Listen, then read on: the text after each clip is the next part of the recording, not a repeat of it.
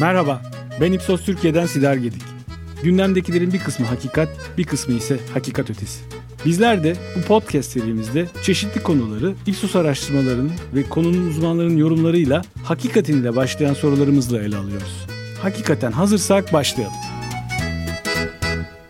Merhabalar. Hakikaten başlık altında değerlendirdiğimiz çeşitli konularda bugünkü konumuz son dönemlerde, son yıllarda çalışma düzenindeki değişikliğin ardından çalışan beklentilerinde hakikaten değişip değişmediği, değiştiyse nereden nereye geldiği konusu. Bu konuda gerek dünyada gerek Türkiye'de yaptığımız çeşitli araştırmalar var. Bunları sizlerle bugün paylaşıyor olacağız. Benimle beraber bugün burada hem bizim kamuoyu araştırmaları departmanımızdan Özlem Bora var. Merhaba Özlem merhaba, hoş geldin. Merhaba. Hem de çok değerli bir konuğumuz var. Profesör Doktor Sayın Deniz Ülke Arıboğan bugün bizimle birlikte yayınımız sırasında. Hoş geldiniz hocam. Nasılsınız? İyiyim. Çok teşekkürler. Hoş bulduk. Sizler de iyisiniz umarım. Biz de iyiyiz. Çok İyiyiz. teşekkür ederiz. Bugün işte çalışma düzeninin değişimi ve ardından da çalışan beklentilerinde gerçekten hakikaten neler oldu, neler oluyor, devamında neler olma ihtimali var. Biraz bunları konuşmak istiyoruz. Sizin duvar kitabınızda da belirttiğiniz gibi insanoğlu gerçekten de son yüzyılda yaşadığı ağır travma ve kesintilere rağmen teknolojik gelişme süretini daha önce hiç görülmemiş bir noktaya ulaştırmayı başardı. Yani bunu siz Evet. pandemiden önce yazmıştınız. Evet evet 2018'in başında yazmıştım. Müthiş bir doğru. kehanet aslında gördüğümüz. Yani şimdi pandemide biz bu hızı artık takip edemez hale geldik. Haftalar, aylar değil günler seviyesinde değişimlerle karşılaştık. Bu biraz tabii koşulların zorlamasıyla oldu ama gerek teknoloji gerekse insan mantalite olarak buna hazırmış meğer. Bunu da gördük. Evet. Nitekim şu an bu podcast kaydını yaparken dahi birlikte aynı odada değiliz. evet değil mi? Aramızda kilometreler var. Ama göz göze de bakabiliyoruz bir taraftan.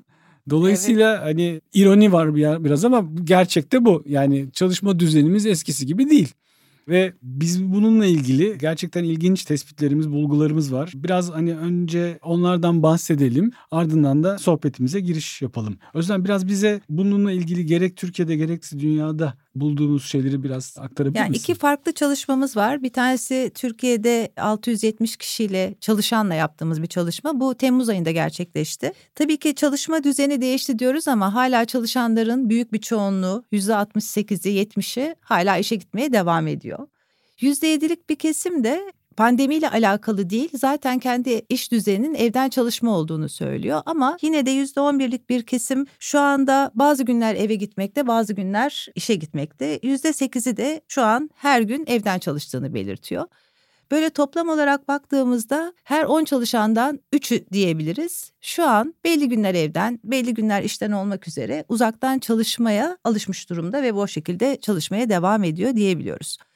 Dünyada da yapılan bir çalışma var. 29 ülkede yapılan Dünya Ekonomi Forum işbirliğiyle gerçekleştirilen bir çalışma. Orada da aslında sonuçlar çok farklı değil. Yüzde 40 civarında bir çalışan kesim şu anda evden çalıştığını söylüyor. Kısmen evde. Kısmen evden, kısmen şirkete veya ofise giderek çalıştığını söylüyor. Bu oran pandemi öncesinde yüzde 20-25 civarındaydı. Böyle baktığımızda pandeminin bu evden, kısmen evden çalışma konusuna oldukça bir etkisi olduğunu çok net bir şekilde görüyoruz. Peki yani bu mevcut durum böyle. Mevcut durum bu. Peki insanların yani bu çalışma biçimindeki değişikliğe ve bundan sonrasına dair beklentilerinde neler var? Ya beklentiler de aslında yine bu şekilde devam etmek üzerine diyebiliriz. Özellikle dünyadaki bu çalışmanın ortalamasında çalışanlar haftanın iki buçuk günü evden iki buçuk günü de iş yerine giderek çalışmak isterken Türkiye'de evden çalışma biraz daha yüksek. Ya üç gün evde iki gün işe giderek çalışmak gibi bir istekleri arzuları var. Diğer taraftan Herhalde esnek çalışma konusu öne çıkan bir konu değil mi? Evet taraftan? öne çıkan bir konu ve hatta her üç çalışandan biri işverenlerin hani ofise çağırma konusunda bile esnek olması gerektiğini hatta ve hatta ofiste geçirilen sürenin de esnek olması gerektiğini söylüyorlar. Yani iki gün ofis üç gün evse bile onun bile dengesini çalışanların sağlaması belki her gün yarımşar gün gitmek ya da bir gün gitmek öbürsü gün üç saat gitmek gibi orada bile esneklikler istiyorlar.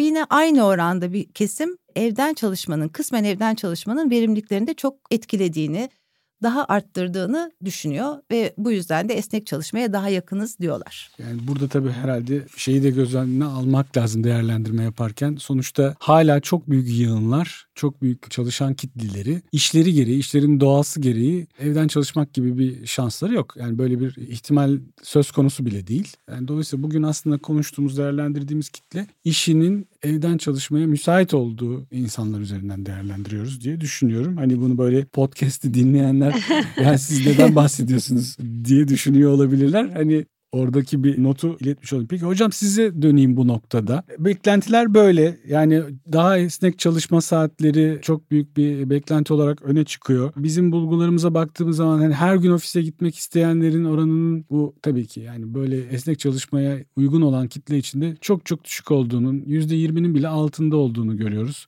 Çok büyük bir kesim burada hani ipleri eline almayı, daha esnek çalışmayı, biraz ofisten, bazen tamamen evden şeklinde bir yaklaşımları var. Sizin bu konudaki yorumlarınızı alabilir miyim? Tabii teşekkürler. Bu çok önemli bir çalışma öncelikle. Teşekkürler. Çok bizim eğitim alanına da uyarlayabiliriz. Perakende sektörüne de uyarlanır. Aslında siyasete de uyarlanabilir. Çünkü her sosyolojik dönüşümün bir siyasi çıktısı mutlaka oluyor. Yani oy verme davranışını etkileyen şeyler aslında üzerinde konuştuklarımız. Nitekim benim yazdığım duvar kitabı da bir politik psikoloji kitabıydı yani politik içerikli bir kitaptı ama doğal olarak insanların sosyal çevrelerine ve onlarda oluşabilecek değişikliklere değiniyordu. Fakat burada kullandığımız terminolojiye şöyle küçük bir katkıda bulunmak istiyorum bir yanlış anlama olmaması açısından. Evden çalışmayla uzaktan çalışma farklı şeyler. Yani çünkü ruh hallerini, verilen cevapları farklılaştıracak olan şeyler. Hatta şöyle de diyoruz biz ona her yerden çalışma. Çünkü evden çalışmak, evden çıkmadan çalışmak demek. Uzaktan çalışanların ciddi bir bölümü kafelerde çalışıyor. Kendilerine Airbnb'den yazlık tutuyorlar, orada çalışıyorlar. Tatil beldelerinden, spor salonlarından, bahçelerden. Yani ikisinin ruh hali farklı. Onu evet, o, orada bir ayrışmaya gitmemiz gerekiyor. Çünkü bunun yarattığı sonuçlara değinirken o fark çok önemli bir şekilde çıkıyor. En önemlisi de sosyalleşme ile ilgili olan boyutu zaten. Çok doğru bir noktaya temas ettiniz. Aslında mevsimlerin bile burada önemi var değil mi? Tabii ki, tabii ki. Yani mevsimlerin bile önemi var. Uluslararası düzeyde seyahatlerin sınırlar aşırı çalışma noktasında da yani bu digital nomad dediğimiz kitleler var. Yani Türkiye'de çalışıyor ama Avusturya'da yaşıyor. Yani o evde yaşamak da değil, evde de değil yani. Başka birinin ofisinde de çalışıyor olabilir. Aynı anda birkaç iş yapıyor olabilir. Yani onlar farklılaştırıyor çünkü şeyleri. İki ayrı bilgisayarda iki ayrı iş yapan insan var. Bu da başka bir düzenek. Onun için şimdi şunu söylememiz lazım. Hani genel küresel krizlerle bunun arasındaki bağlantıyı ortaya koymakta fayda var. Çünkü pandemi bir küresel kriz ve 21. yüzyıl 20. yüzyıldan farklı olarak bir küresel savaşlar yüzyılı değil bir küresel krizler yüzyılı olarak başladı. Yani 20 yıl içerisinde 3 tane büyük küresel kriz yaşadık. İlki 11 Eylül saldırısı oldu. İkincisi ekonomik kriz oldu. Üçüncüsü bu pandemi. Yani aslında her üçünde de insana güvenli bir yer bul alarmı veren şeylerden söz ediyoruz. Krizin özelliği budur zaten. İlkinde güvenlik nedeniyle dışarıda terör var güvenli bir yer bul. Öbüründe ekonomik kriz. Dışarıda masraf var güvenli bir yerde daha az masraflı yaşa. Üçüncüsünde dışarıda virüs var evine dön evinde kal. Yani burada aslında her üçünde de komut insanı sosyal, kamusal alandan içeriye doğru ve kendi iç dünyasına, özeline doğru döndüren bir yaklaşım var. Tabii burada yani kültürel veriler çok önemli bir rol oynuyor. Aileleriyle birlikte yaşayanlar var. Mesela 18 yaşında evinden çıkıp kendine ait bir yaşam alanı olan gençlerle 35-40 yaşına kadar daha sonrasında ailesiyle yaşayan bir kültür de var. Yani doğu kültüründe evden gitmek zorunda değil. Hele kız çocuğuysa evinde oturur genellikle. Şimdi bunlar bir ailenin parçası olarak evin içinde yan odada çalışıyor olacak. Evin içerisinde başka kardeşlerin gürültüsü olabilir, çoluk çocuk olabilir falan. O açıdan kültürel şeyler çok önemli çok kalabalık ailelerde olmak, metropollerde yaşamak ya da suburblerde yaşamak bunlar ciddi sonuçlar verebilir. Ama genel eğilim her küresel kriz insan psikolojisini, insan davranışını çok ciddi şekilde etkilediği için iyi kötü bir ortak kültür yaratıyor. Yani bir genellemeye ulaştırıyor bizi. Yani dışarı değil içeride olmak gerektiği. Ama nasıl bir içeri? Yani ofisin içi olmak yerine işte evine en yakın Starbucks'ın içerisi de olabilir. Bir üniversitenin kütüphanesi de olabilir. Evinde de olabilir. Evde gürültü varsa gidiyor kütüphaneden çalışıyor doğal olarak. E benim kendi kızım da şimdi mesela bir yazım firmasında çalışıyor. evden çalışıyor ama aynı anda hem çok memnun olduğu konular var hem de çok memnuniyetsiz olduğu konular var. Evet çok doğru bir nokta bu arada. Yani bizim araştırmamızın bu manada da aslında enteresan bulguları var. Hı hı. Yani insanların üzerinde bu çalışma biçimi nasıl etkiler yaratıyor? Hani iki başlık altında düşünebilirsek bunları bir işin hani duygusal boyutu var. insan üzerinde yaptığı etkileri anlamında. Bir de tabii iş itibariyle hani iş etkinliği vesaire anlamında, verimlilik anlamında. O yüzden bunlarla da ilgili bulguları rica etsem aktarabilir tabii. misin bize acaba? Biraz önce hani bu uzaktan ya da evden çalışmanın daha verimli olduklarını belirtiyorlardı ama bunun tam tersi yüzde kırklık bir kesim de aslında yeteri kadar verimli olmadığını düşünüyor evden çalışmanın. Yine benzer oranda yüzde kırklık bir kesim işten koptuğunu düşünüyor. Yani işe gidip gelmenin. Bununla bağlantılı olarak şunu da söyleyebiliriz ki her iki çalışandan biri işlerindeki arkadaşlarını özlemekte. Yani bu sosyalleşme konusunda da olumsuz bir etkisi olduğunu görüyoruz. Bir de iş ve yaşam dengesinin bozulduğunu söyleyen bir kitle de var. Yine yine benzer oranda. Çok değişmiyor bu oranlar ve bunları sizin demin belirttiğiniz gibi farklı kırılımlarda, demografik kırılımlarda baktığımız vakit özellikle 17 yaş altı çocuk sahibi olan kişilerde bu verimlilik, daha fazla iş yükü getirmesi gibi konularda daha zorlandıklarını görüyoruz. Bu esnek çalışmanın kendi verimliliklerini arttırdığını söyleyenler ise biraz daha yüksek eğitim seviyesine sahip kişiler gibi böyle bir farklılaşmayı da biz bu çalışmamızda gördük. Evet. Yani tabii bu herhalde biraz hala başında olduğumuz bir durum diye düşünüyorum. Yani evet. böyle ne Türkiye'deki çalışan kesim olarak ne de dünyadaki çalışanlar olarak henüz bütün taşların yerine oturduğu bir değişimden bahsedemeyiz. Hala sizin de söylediğiniz gibi hocam biraz önce hani memnun olunan tarafları var, memnun olunmayan tarafları var. Tabii ilk bakışta memnun olunan taraflarından hareketle biraz daha bu yönde eğilim görüyoruz. Yani çalışanların evet. buna daha yakın olduklarını görüyoruz ama işin tabii insani boyutu hani yalnızlaşma tarafı sadece sosyal yalnızlaşma değil profesyonel yalnızlaşma tarafı da önemli. Ve de tabii ki hani iş etkinliği de iş verimliliği de bir soru işareti olarak da ortaya çıkıyor ister istemez bunun sonucunda. Bu konuyla ilgili yorumlarınızı da alsak. Şimdi aslında iş yeri sadece herkesin ortaklaşa aynı imkanları kullandığı, aynı teknolojileri kullandığı bir yer değil. Bir ortak zihin dünyası üretiyor orada. Yani bir iş yeri kitlesi oluşuyor ve kitlenin ortak zihni oluşuyor. Bunu uzaktan bir ortamda zaman zaman sağlamak mümkün olmuyor. Çünkü coffee break'te bile yani iki ayakta sohbet edersiniz, bir arkadaşlık edersiniz, bir sinerji oluşur. Yani normal şartlarda sohbet edemeyeceğiniz şeyleri o backdoor dediğimiz yani kapının arkasındaki sohbetler iş yerlerinde çok daha verimli sohbetlerdir. İlle yani bir resmi toplantının içinde olmak zorunda değil. Sonrasında arkadaş çevrenizde, sosyal yaşantınızla falan ve insanoğlunun da çok ihtiyaç duyduğu bir şeydir bu. Onu tamamlarsınız yani iş etkinliğini, üretimin gücünü, kalitesini artıran şeylerdir. Aynı ortamda bir arada bulunmak. Ve fakat şunu da söyleyeyim yani bizim jenerasyonumuz açısından yani orta yaşını süren insanlar açısından hatta ileri yaştaki gençler açısından bu sosyalleşme arzusu biraz daha yüksek. Çünkü içine doğduğumuz dünya farklı bir dünyaydı. Yani bahçede birlikte oynayarak yaşayan, arkadaşlarına sadakat duygusu olan, oynadığı bebeği yıllarca kullanan falan bir topluluktan yani artık enter tuşuna bastığı andan itibaren ve bir level atladıktan sonra öbür level'a asla dönmek istemeyen ve kendi başına oynamak isteyen bir çocuklar, gençler dönemi. Yani oyuncaklar paylaşılmıyor ve oyuncaklar bizim oyuncaklarımız mesela toplu sosyal oyuncaklardı. Yani ne bileyim kuka oynarsın, top oynarsın falan falan filan. Şimdi çocukların top oynadığını söyleyemeyiz. Yani onlar artık futbolu internette, dijital ortamda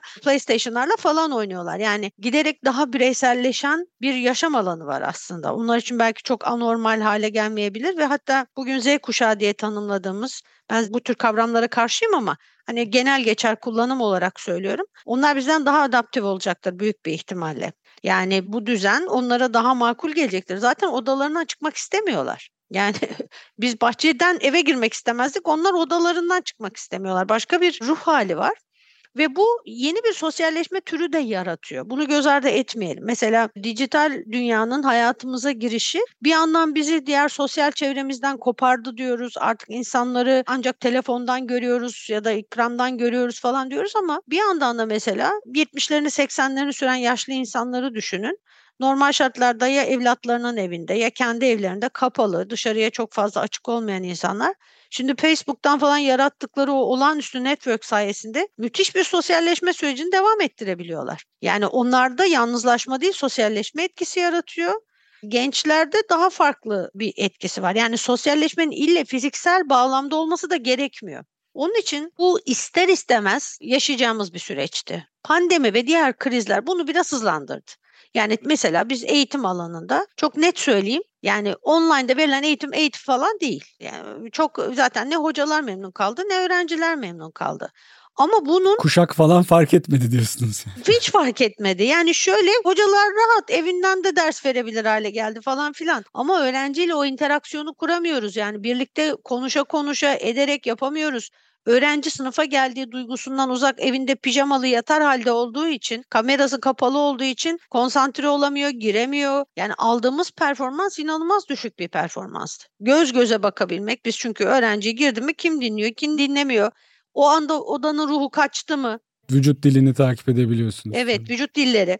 Bunları falan tamamen devreden çıkartan bir şey. Ama şu var ki hibrit eğitim hayatımıza inanılmaz bir kolaylık sağladı. Yani sınıfta gördüğünü çocuğa akşamleyin online ortamda da bir takım videolarla şunda bununla paylaşmak, onlarla kendi aramızda belge, doküman exchange yapabilmek, ödevi göndermek, gerektiğinde tık diye akşam Zoom'dan bağlanabilmek öğrenci gruplarıyla bu hibritleşme mükemmeliyeti yaratan şey. Yani ikisi de ne kadar eksik olduğunu gözümüze soktu ama biz bunu normalde pandemi olmasa yaşayamazdık. Mesela çok muhafazakar hocalar vardır. Yani bilgisayarda enter tuşuna basamaz. Asistanını çağırır gel bana şunu aç der şöyle yap böyle yap.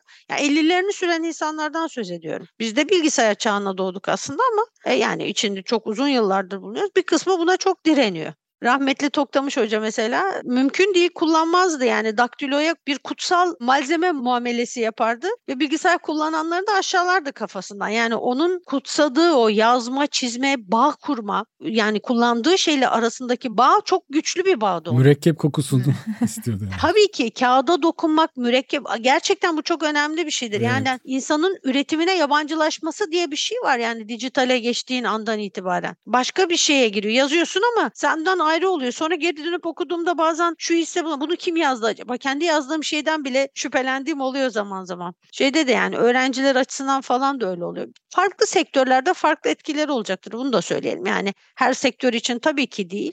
Yani bir yazılımcının büyük bir sinerji oluşturmasına gerek yok. Onların dünyası da daha farklı tabii. Zaten şimdi online çalışmayı birazcık onlar daha yoğun bir şekilde kullanıyorlar gördüğüm kadarıyla. Ama hemen her iş yerinde bir şekilde bir takım etkinliklerle çalışanları bir araya getirme zorunluluğunun olduğunu gördü insanlar. Yani fakat şöyle bir şey var. Hatta sabah kızımla konuşuyorduk onu. Yani bu o kadar çok şey değiştirecek ki mesela giyim kuşam alışkanlıkları. Evet. E, normalde işe gitme kıyafeti diye bir kıyafet vardı değil mi? Tayyörler, topuklu pabuçlar, kravatlar, ceketler falan filan. Şimdi bunun giyilmesi için hiçbir sebep kalmadı. Çünkü sabah kalkıyoruz, evde rahat kıyafetler fakat normal şartlarda yorgunluktan gece evde yatardık, erkenden ayağımızı uzatırdık. Şimdi bu yorgunluk olmadığı için akşam dışarıya partilemeye çıkmak lazım değil mi? Sosyalleşme zamanı. Bir de o şık kıyafetler. Yani günün artık içerisinden bir bölümünü çıkartıyoruz giyim kuşam alışkanlığı olarak. Tabii katman katman herhalde etkiler var. Çünkü şöyle bir şey de var yani eskiden bazı sektörlerde özellikle tabii iş toplantıları vardı bir taraftan. Sadece tabii. yani ofise gitmiyorsunuz. Aslında bir de iş yaptığınız müşterinizin veya size iş yapan e, bir tedarikçinizin ofisinde bir araya geliyorsunuz. Başka bir ofisi evet. de ziyaret ediyorsunuz. Sadece kendi tabii, ofisinizi tabii. ziyaret etmiyorsunuz.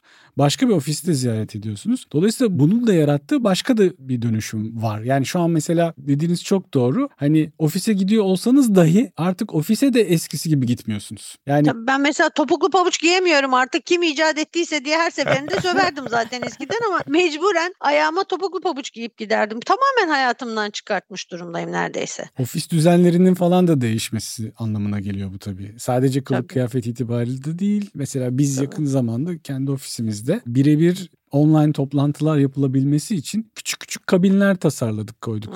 yani çünkü ofise gelenler de müşterileriyle veya iş yaptığı diğer kuruluşlarla aslında yine uzaktan temas halindeler. Eskiye kıyasla yani eskisi kadar çok fiziksel bir araya gelmek söz konusu bile değil. Yani dolayısıyla gerçekten hani katman katman bir değişim yaşandığı da ortada. Hani hakikaten yaşanıyor mu? Hakikaten yaşanıyor aslında yani. Evet aslında çok maliyetleri düşüren bir değişim onu da söyleyeyim yani iş şimdi eski çalıştığım yerde mesai anlayışı çok şeydi sertti yani insanların işe gelmesi sabah erken gelip belli bir saat çalışması gerektiğini düşünüyorlardı. Mantıksız da gelmedi bana çünkü yani ortaya çıkan üretime baktığım zaman hakikaten işe geliyor bir şey yapayım diyor daha çok makale yazılıyordu daha çok toplantı yapılıyordu falan filan. Fakat sonra pandemiyle birlikte o baskıyı uygulamaya çalıştılar. Yani dediler ki yine mesai olacak yani hatta özel izinlerle okula falan getirilip fakat aynı odada üç tane hoca oturuyor. Şimdi ders anlatacak birisi öbürü anlatamıyor. Ve dedik ki o zaman dersi olan evinden anlatsın, onun dışında buraya doğru gelsin. Ve bir anda sisteme evden çalışma mecburiyet olarak girdi. Çünkü tek bir ofiste yani böyle bir kabin bulamıyorsunuz herkes. Aynı saatte 3 hocanın da dersi var. Ne yapılacak? Ve mecburen bir yerler bulmaya çalışıyorlar. Onlar da evlerinden yapılması konusu geldi. Yani mesaide asla esneklik gösteremeyecek olan bir kurum çok ciddi esneklik göstermeye başladı. Olay kendi doğası içinde kendi kuralını yaratıyor aslında yani. Öyle bir de yani ister istemez mesela cumartesi, pazar, akşam saati öğrencilerle çok değişik saatlerle falan buluştuk. Pandemi dönemi çok değişik bir dönemdi. Yani gerçekten şu anda onun arta kalanıyla yapılan bir araştırma bu. Bundan iki sene önce tam pandeminin tam orta yerinde yapıldığında daha başka şeylerin çıkacağından eminim yani. Şu anda biraz arta kalandayız. Evet. Burada tabii biraz önce Özlem çok kısaca giriş yaptı aslında. Hani bir gerçek herkese aynı şekilde yansımayabiliyor. Yani burada konuştuğumuz bazı durumlar, gerçekler, ihtiyaçlar çeşitli toplum kesimleri tarafında farklı farklı etkiler yaratabiliyor. Biraz ondan da bahsedelim. Özlem istersen hani orada ya demin söylediklerim biraz tekrarı olacak ama şimdi bu çocuk sahipliği özellikle 17 yaş altı hani okula giden çocukları olan bireylerin bu esnek çalışma, uzaktan çalışma ya da evden çalışma diyelim bu konuda biraz daha sıkıntı yaşadıklarını. Tabii bu hepsi değil ama çocuğu daha büyük olan ya da çocuğu olmayan bireylere göre daha kötümser ya da öbür kısmın daha iyimser yaklaştığını söyleyebiliyoruz. Bunlar biraz daha sıkıntı çekiyor ki etrafımızda çocuğu olan arkadaşlarımızdan duyduğumuz şeyler bunlar. Diğer böyle çok belirgin bir şey bu yüksek eğitimli olan kişiler bu uzaktan çalışmanın onlara daha verimlilik sağladığını düşünüyorlar. Hatta bu 50-74 yaş arası gibi bir kitleyle yapılan bölümde bu kişiler bu verimlilik konusunda falan çok daha olumlu yaklaşmaktalar. Tabii bu iş tecrübesinin de getirdiği Zaten uzun süredir birlikte çalıştığı bir şirket olduğu için bu bağlılık, işe sadakat gibi konuların zaten oluşmuş olduğu kitleler bu konuda biraz daha olumlu yaklaşıyorlar. Böyle farklı kitlelerde değişik şeyler gözlemleyebiliyoruz. Buradan aslında ben şöyle sözü almak istiyorum. Yani tabii özellikle bizim gözlemlediğimiz şey işe yeni giren kitlede diyelim daha yeni iş hayatındaki ilk işi olan insanlarda belli bir yetkinlik seviyesine ulaşma süresi, eğitme süresinin uzadığını görüyoruz biz. Çünkü biraz önceki o çalışma biçiminde ister istemez bu eğitilme işte o yetkinlik seviyesine ulaşma süresi daha düşük yoğunluklu bir süreç yaşanıyor. Eskiden yan masada daha kendinden deneyimli biri varken ve ona bir soruyu çok kısa bir şekilde sorup hemen cevabını alıp yoluna devam edebilecekken şimdi o soruyu sormak için bir şeyler yapması lazım. Ya işte internet üzerinden ya e-mail atacak ya telefon edecek vesaire. O soruyu sorup cevabını almasının arasına engeller giriyor ister istemez. Ve bizim gözlemlediğimiz şey yani insanların belli bir takım donanımlara işle ilgili hani profesyonel yalnızlaşma dediğim şey biraz buydu aslında biraz önce o yalnızlaşma içinde daha uzun süre öğrenme süreleri yaşadığını görüyoruz. Bir de tabii şey kritik. Evet belli bir yaş grubu, daha ileri yaş grubu diyelim, daha deneyimli insanlar iş hayatında daha fazla kilometre yaptıkları için, yaptıkları işe de daha fazla hakim oldukları için, çalışma arkadaşlarını daha yakından tanıdıkları için onlar farklı algılıyorlar bunu ama daha yeni iş hayatına girmiş kesimde gerek ekip arkadaşlarına, gerek yöneticilerine, gerekse şirketlerine, çalıştıkları şirkete olan yakınlıkta da bir farklılaşma görüyoruz eskiye kıyasla. Burada hani daha zayıf ilişkiler olduğunu görüyoruz. İş değiştirmenin daha kolaylaştığını görüyoruz. Ama buradaki tatminsizlik duygusunun da aslında iş değiştirmeyle de çok da giderilemediğini de görüyoruz bir taraftan. Dolayısıyla hani işin böyle de bir boyutu var. Hani evet uzaktan çalışma zaten adım adım geliyordu ya da işte hani evden çalışma uzaktan çalışma ayrımını yapmaksızın konuşuyorum. Adım adım geliyordu. Pandemi de buna çok büyük bir ivme kattı bir taraftan ama işin böyle yarattığı kayıplar olduğunda kendi adıma gözlemliyorum. Hocam sizin nedir yorumlarınız bu konuda? Aslında çok önemli şeylere değindiniz. Yani birkaç tane boyutu bir araya getirdiniz. Şimdi birincisi bu etkin öğrenme meselesi. Hannah Arendt'in çok hoş bir ifadesi vardır. Der ki yani bu polis dediği şey yani antik Yunan'daki kentler. Buralar ortak hatırlama mekanlarıdır der. Yani bir şehri ya da bir sosyal topluluğu topluluk haline getiren şey halktan ayırıp onları bir kimliğin içerisine getiren şey birlikte hatırlama. Yani aslında kurumun geçmişini, belleğini, kolektif belleğinin yeni gelenlere aktarılması hikayesi. Bu bir mekan, ortak mekanın, ortak kamusal alan dediğimiz yerin kaybolması doğal olarak o anlatının, o belleğin aktarımını zorlaştırıyor. Yani aynen sizin söylediğiniz gibi ben iş yerinde insana en iyi öğreten şeyin temel oryantasyon aracısının diğer çalışanlar olduğunu düşünüyorum. Doğal olarak bu da yani bir önceki nesildir. O eski tecrübeleri anlatır, şirkette neler neler olmuş o dedikodulara aktarır, bilmem ne yapar. Yani öğrenmek bir yandan da o kurumun kültürünü öğrenmektir. Sadece yaptığınız işi değil. Yani kurumun kültürünü bilirseniz bazı rasyonel gibi görünen şeyler çok irrasyonel hale gelir. Yanlış olur yapmanız aslında orada düzenli olarak yaptığınız şey. Bazen yap her gün tuşa basarsınız ama o gün basmanız doğru değildir. Şirkette birisi ölmüştür bilmem nedir. O gün yapılmaması gerekiyordur falan gibi şeyler. Bunlar aktarılır. Bu kolektif bellek aktarılır ve kurum kültürü oluşur. İkincisi de bu kurum kültürünün oluşmasıyla ve sadakat meselesi yani işinin sürekli değişmesi, aidiyet hissinin doğmaması. Şimdi artık yeni iş dünyasında çok hızlı yer değiştiriyoruz. Çok doğal olarak bize daha iyi fırsatlar veren yere doğru gitmeye çalışıyoruz. Hepimizde bu tür alışkanlıklar oluştu. Ama bu tabii bir şeye ait olamama duygusu yani göçebelik sadece bir uygarlık sistemine ait olamama duygusu değil yani. Bir türlü native hale gelemiyoruz yerleşemiyoruz yani bulunduğumuz yere bir yerde çalışıyorsunuz. Oradaki iyileri, kötüleri, tuvaletinin yerini, mutfağının yerini, çayının yerini öğrenirken yepyeni bir şeye gidiyorsunuz. Bir daha bir öğrenme süreci falan. Ama bu da jenerasyonla ilgili. Yani demin de söylediğim gibi oynadığımız oyuncak kalıbının değişmesiyle ilgili bir şey. Yediğimiz yemeğin kalıbının da değişmesiyle ilgili bir şey. Bakın bizim gençliğimizde böyle demeye başlayınca yaş ilerledi gibi oluyor. Öyle oldu. Yani bakın on binlerce yıllık insanlık tarihinden bahsediyorum aslına bakarsanız. Şimdi etin pişirme mekanizması nedir? Koyarsınız uzun uzun pişirirsiniz. iyilik gibi olur.